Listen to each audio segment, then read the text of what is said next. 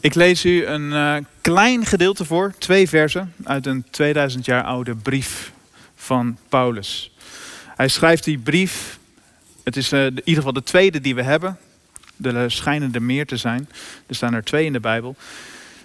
Aan die, die brief schrijft hij aan een kleine, kwetsbare groep christenen in de grote havenstad Korinthe. Ik lees voor 2 Korinthe 9, vers 10 en 11. God die zaad geeft om te zaaien en brood om te eten, zal ook u zaad geven en het laten ontkiemen, zodat uw vrijgevigheid een rijke oogst opbrengt. U bent in ieder opzicht rijk geworden om in alles vrijgevig te kunnen zijn. En uw vrijgevigheid leidt door onze bemiddeling tot dankzegging aan God. Tot zover woorden van God.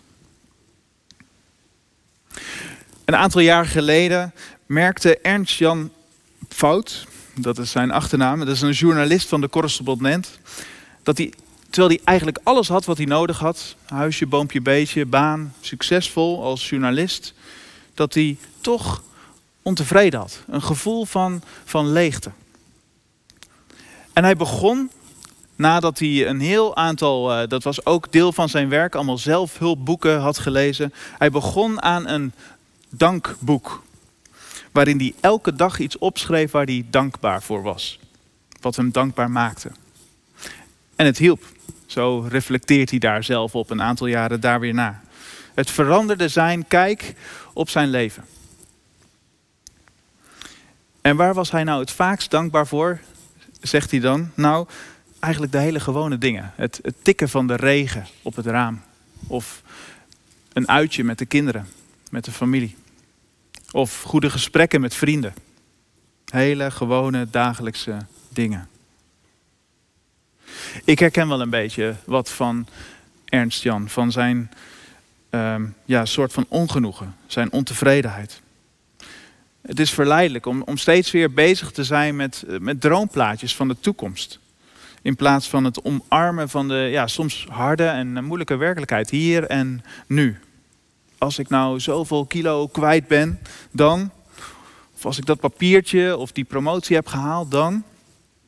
Als de verbouwing af is, ja dan. Dan begint het. Dan zal ik dankbaar zijn. Of dan kan ik dankbaar zijn. Een dankbare levenshouding hier en nu zet je met beide voeten op de aarde. Je bent in het heden, in het hier en nu. En op deze plek, de kerk en al die andere kerkplekken, daar herinneren we ons elkaar er steeds weer aan, elke zondag, om, om dankbaar te zijn. We doen eigenlijk wat, wat die Ernst Jan ook deed met zijn dagboek. En op de eerste woensdag van november, dat is dus vandaag, dan zetten we daar eigenlijk nog eens een dikke streep onder. Dankdag. We danken voor alle kleine korreltjes graan die God geeft, waar we weer brood van kunnen maken. Voor alles wat groeit en van het werk wat verzet wordt. En het herinnert ons er steeds weer aan wat, dat wat we hebben, dat het ons gegeven is. Dat het ons is toevertrouwd. Paulus, door dit kleine stukje, dit snippertje van de brief wat we lazen, uh, leert ons een, door het eenvoudige beeld van die graankorrel eigenlijk twee geestelijke lessen over dankbaarheid. Eén, dankbaarheid ontkiemt of komt naar boven als we leren wat ontvangen is. En twee, dankbaarheid groeit als we uit leren delen. Nou, eerst die eerste, dankbaarheid ontkiemt als we leren ontvangen. Wat Paulus doet is, hij wijst eerst naar boven, naar God. Als hij het heeft over die graankorrel. Daar komt die uiteindelijk vandaan. God is de schepper. Hij is de gever. Het is allemaal bij hem begonnen. Zet de allerslimste, de allerbeste wetenschappers bij elkaar. Geef ze een hele grote zak met geld en alle middelen en tijd die ze nodig hebben. Ze zijn niet in staat om maar zo'n één zo'n kleine graankorrel te maken. En dankbaarheid die ontkiemt als we met open handen leren leven. Als onze handen open zijn. Want zo leren we te zien dat er iedere dag een hele hoop ingelegd wordt in die handen. Adem om te leven, tijd om keuzes te maken, vrienden, familie die om ons heen is.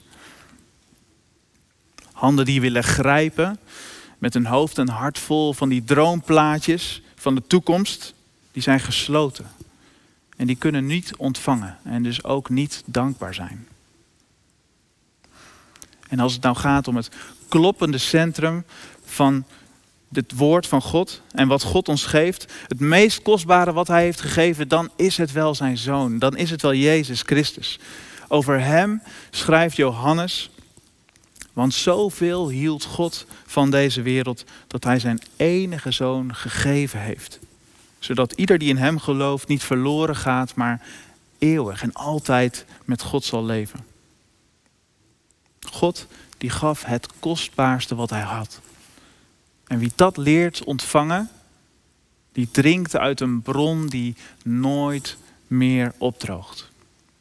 Dus één is, dankbaarheid begint met leren ontvangen. Twee, de laatste, dankbaarheid groeit door te geven, door te delen. Er zijn een heel aantal van jullie en hier buiten ook, die de afgelopen periode hebben gegeven, doorgebracht hier met de gasten die je tijdelijk hebben gewoond. Je hebt uitgedeeld van je, van je tijd, van je talent, misschien van je geld. En we zullen straks met elkaar verhalen daarvan delen. Hoe dat was voor jou en wat je dankbaar maakte daarover. Paulus legt uit waarom God ons zegent. Waarom hij ons zo zegent met veel dingen die hij ons geeft. Waarom hij ons rijk maakt. Dat heeft te maken met dat wij op, op uh, dat God dingen aan ons geeft, dat wij vrijgevig kunnen zijn. En waarom wil God dat wij vrijgevig zijn? Nou, heel simpel, zodat wij op Hem lijken. Kijk maar naar de, die kleine zaadjes, die, die graankorrel weer van Paulus. Daar komen tientallen nieuwe zaadjes uit als je die plant kijk maar naar buiten. Ja, nu bloeien ze, of nu zijn er geen bramen meer aan, maar die bramenstruiken bijvoorbeeld. Of, of fruitbomen. Of kastanjes die nu overal op de grond liggen. Er is zoveel, er is een overvloed, meer dan genoeg. Er komen veel meer uh, uh, zeg maar vruchten van een boom dan dat er nieuwe kleine plantjes groeien. Er is een overvloed. Ze delen uit. En in die vrijgevigheid lijken ze op God. En wat gebeurt er als wij gaan uitdelen van wat wij ontvangen van God? Nou, dan zijn anderen daar ook weer dankbaar voor. Zo ontstaat er een soort kettingreactie van dankbaarheid. Ontvangen, geven, dankbaarheid. Die kerstboom hier en daarachter die kaarten, die zijn aan ons gegeven als dankbaarheid van de, de gasten die hier hebben gewoond en, uh, en geleefd. Dat is een voorbeeld daarvan. En daar zijn wij op onze beurt weer dankbaar voor, voor die geschenken. Dankbaarheid kan dus, en daar sluit ik mee af, niet zonder ontvangen. En dankbaarheid kan niet zonder uitdelen. Laten we samen God danken voor wat Hij ons geeft.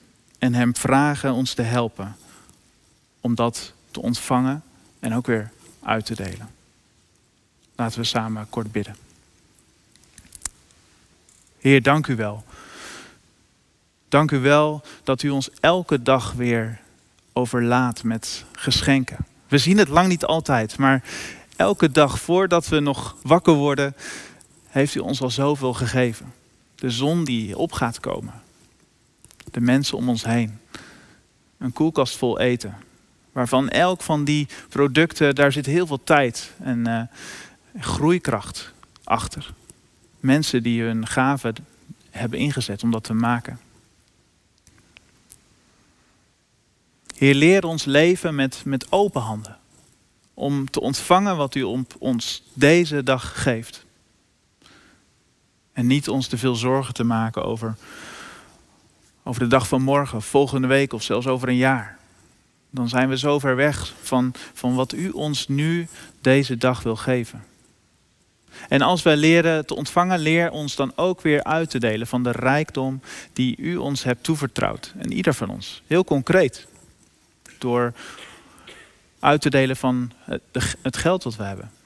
Uit te delen van de talenten en de tijd die we hebben. Zodat anderen weer dankbaar kunnen zijn. En zo is de cirkel rond. Zo hebt u het bedoeld. En we danken u dat u ons leert om zo te leven. En meer te lijken op u. Wil ons daarin helpen, kracht geven. En ons vullen met uw geest. Dat bidden we in Jezus' naam. Amen.